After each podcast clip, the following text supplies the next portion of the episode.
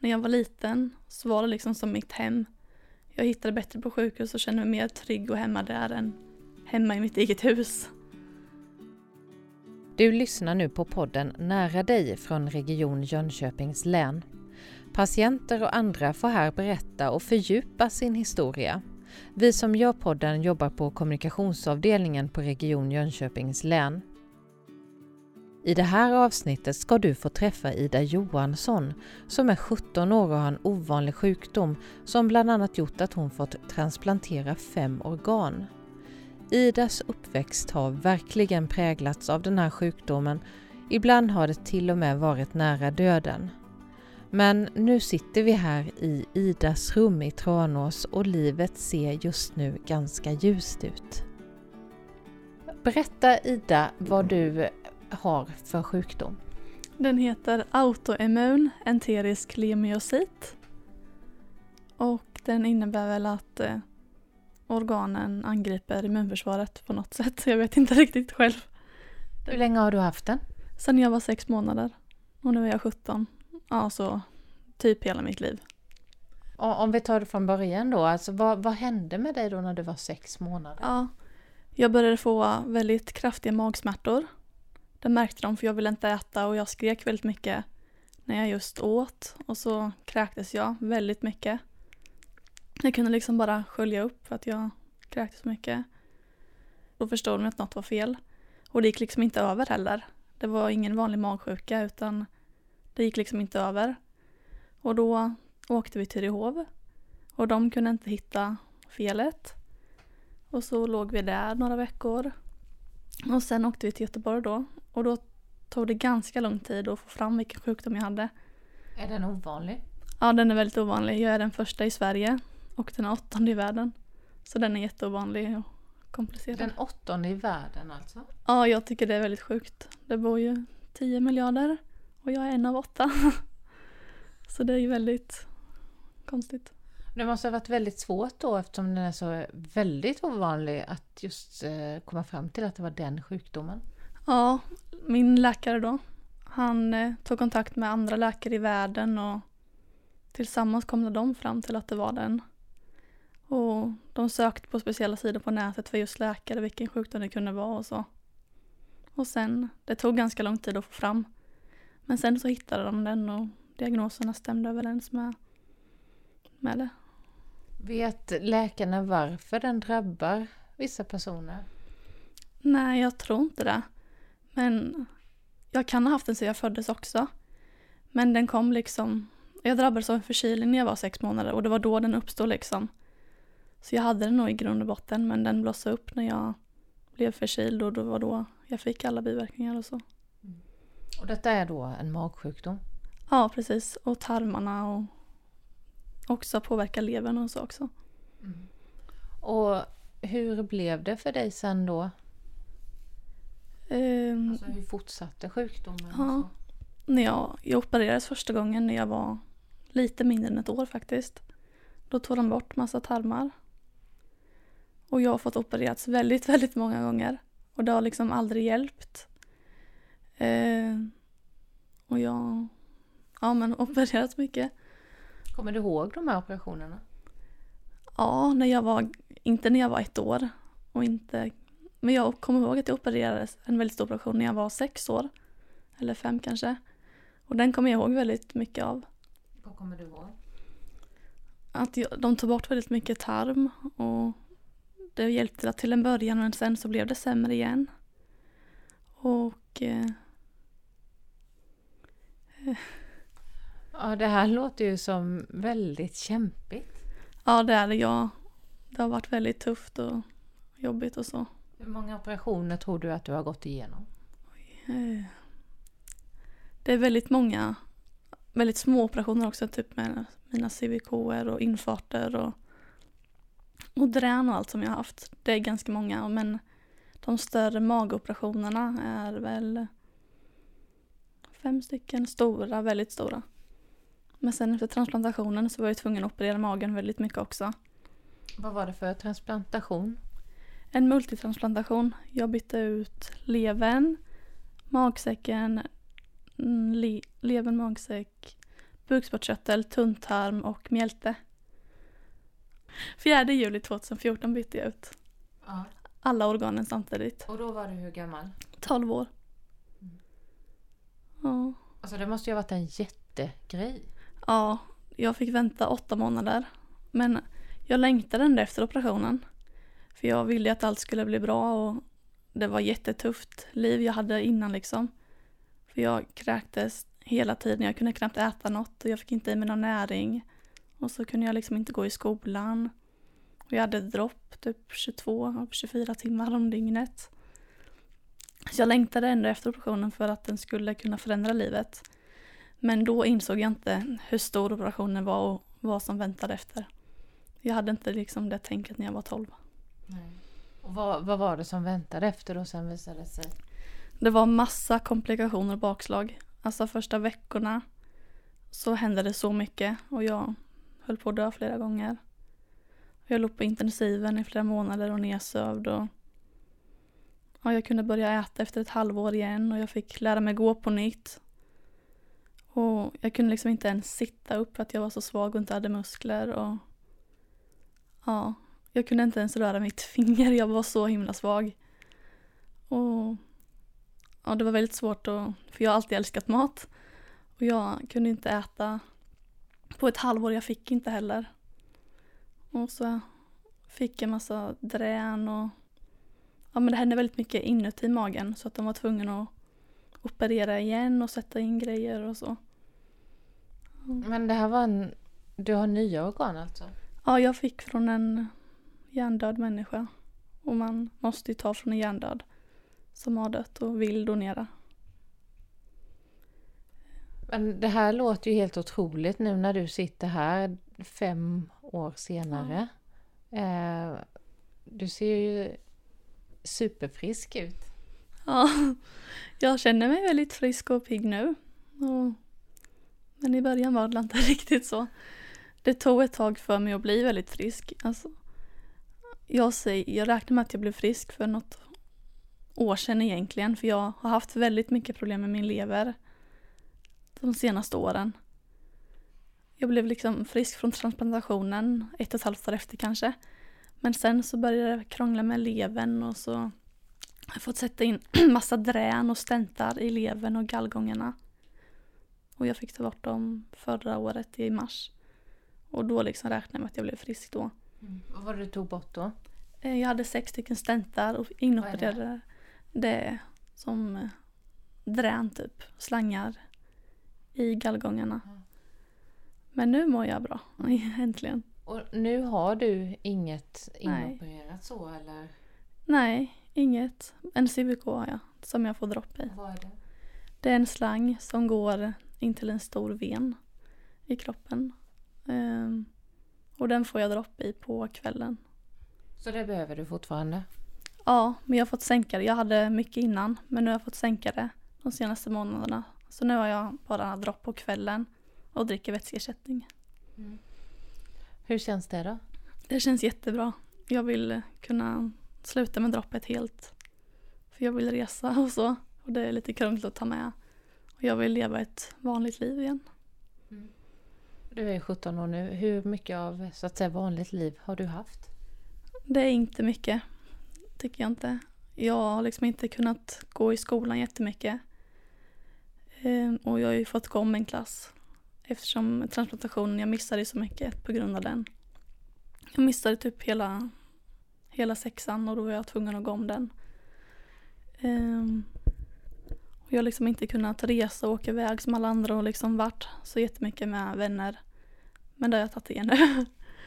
Hur har du tagit igen det? Jag har börjat vara mycket med mina vänner och vi hittar på saker som jag inte kunnat göra förut liksom. För jag var väldigt hindrad då med dropp och mediciner och men det har vi minskat nu. Så du hade dropp, du sa 20 timmar om dygnet? Ja, ungefär. Det var innan transplantationen. Då förlorade jag väldigt mycket eftersom jag kräktes och då var jag ju tvungen att ta i få igen det genom dropp då. Ja, precis. Så jag, om jag kanske gick i skolan en timme per dag om jag ens orkade det. Och jag orkade liksom ingenting eftersom jag inte fick i mig någon näring. Förutom droppet då. Men jag var mest hemma och bara väntade på operationen, kommer jag ihåg. Jag trodde, alltså, jag trodde liksom att de drev med mig för att jag aldrig fick göra operationen. Och det kändes som en evighet att vara på den där listan. Och den här väntelistan Ja, för organ? Precis. Jag stod ju på väntelistan i åtta månader. Och det var jättetuffa månader och jag, blev, jag kände att jag bara blev sämre och sämre. Och jag gav nästan upp till slut för att jag trodde att det inte skulle bli av. Är alla de orga- organen från samma person? Ja, det är det. Man måste ta dem från samma. Och därför så kan det ta ett tag att hitta rätt person för det ska matcha med blodgrupp och helst ska det vara en mindre person än en själv. Och liksom matcha med allting. Och någon som vill donera organ då. Och så att inte organen är skadade eller något. Vet du vem det var? Jag har inte fått veta det. eh, Och man får inte veta det heller. Men vi har våra tankar om. För det hände en olycka den dagen. Eller dagen innan som jag transplanterades. Eh, Och allt stämde liksom att det var en mindre person. Och att det hade varit en olycka så att hon blev hjärndöd och sen dog. Och hon dog eh, på natten och det var då jag transplanterades nästan. Och allt stämde överens så vi har våra misstankar om att det var den personen. Vad skulle du vilja säga till den personen om du kunde säga någonting? Oj. Alltså jag skulle vilja tacka tacka den så jättemycket. Den har liksom räddat mitt liv och jag är så himla glad att den har gjort det. Och det är den bästa liksom gåvan och presenten man kan få i livet, att få någon annans organ. Um, och jag skulle gärna vilja träffa föräldrarna om jag fick veta vilka det var. Och verkligen berätta hur tacksam jag är. För hade jag inte fått dem så hade inte jag levt. Och det är jättesnällt att de vill donera liksom. Att de vill hjälpa andra.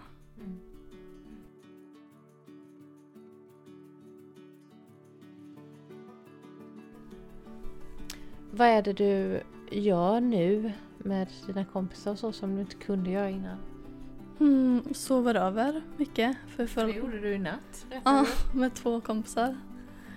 Ehm, och förr hade jag väldigt mycket dropp och jag tyckte det var krångligt och jobbigt och så. Att ha det. Och vi åker iväg mycket. Och är ute mycket och så. Vilken klass går du i? I nian. Jag börjar gymnasiet nu i höst och jag längtar jättemycket. Är det en eller två klasser som du har hoppat över så att säga? Jag har gått om en klass, sexan. Så jag går ju med de som är ett år yngre nu. Men det funkar. Till början så tyckte jag det skulle bli jättejobbigt och så. Och jag ville verkligen inte men nu har jag vant mig och ja, det är ett bra beslut jag har gjort. Känner du att du orkar med allting så? Ja, jag går i skolan som en vanlig människa och alla de timmarna. Men skolan är ju jobbig för alla. Men jag känner att jag orkar med den och, att, och så.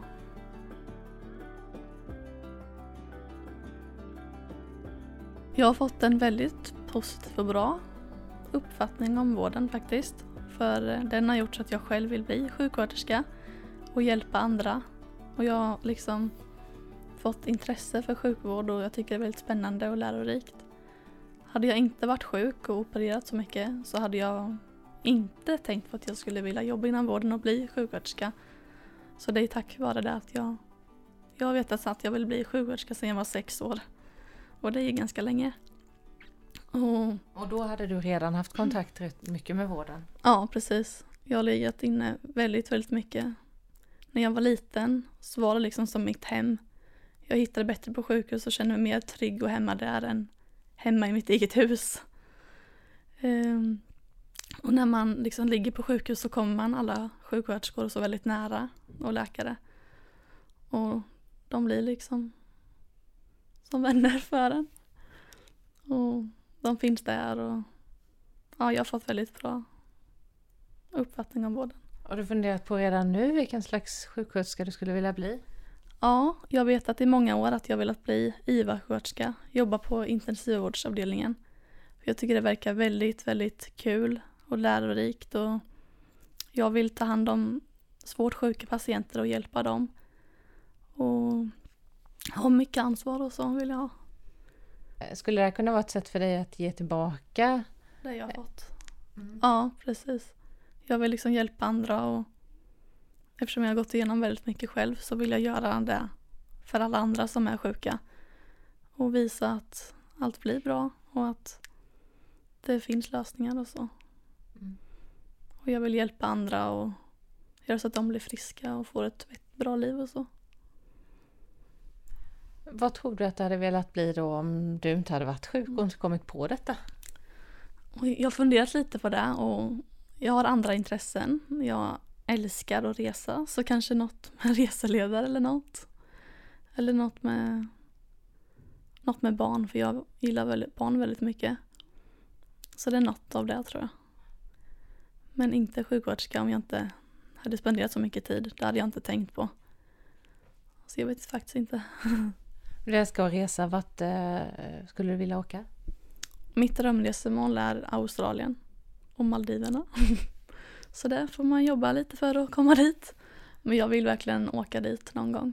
Jag ser att du har ett eh, gyllene Paris, eh, eller ett gyllene Eiffeltorn på din hylla här. Har du varit i Paris? Ja, det har jag. Det var en mån två månader innan transplantationen. Då var jag där. Och vi fick resan från min stora dag som hjälper svårt sjuka barn och ungdomar. Så jag var där på Disneyland och hade det jättebra. Det är den bästa resan jag har gjort. Mm. Men då var du ganska sjuk som jag förstod det. Ja, jag var väldigt sjuk och jag kunde jag åt typ ingenting på den resan. Men eftersom vi liksom fick det då och då, jag sökte två år innan och sen fick, fick jag åka två år efter.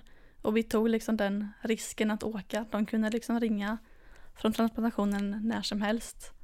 När vi var i Paris, men vi tog ändå den chansen att, att göra resan. För eh, jag står ju på väntelistan då. Men om, det, om resan skulle blivit efter transplantationen så skulle vi fått vänta jättelänge. Och jag ville verkligen ha något kul att längta till så vi tog risken att åka dit. Det här Min stora dag, vad, vill du berätta lite, vad är det? Det är en organisation som hjälper svårt sjuka barn och ungdomar som har haft det tufft och har svåra sjukdomar då. Och då får man önska sig ja, vad ens största dröm är och, och då får man uppfylla den. Och min dröm var ju att åka till Paris och gå på Disneyland. Och det var så himla coolt för jag hade VIP och då fick jag gå före alla i kön och göra allt som ingen annan fick.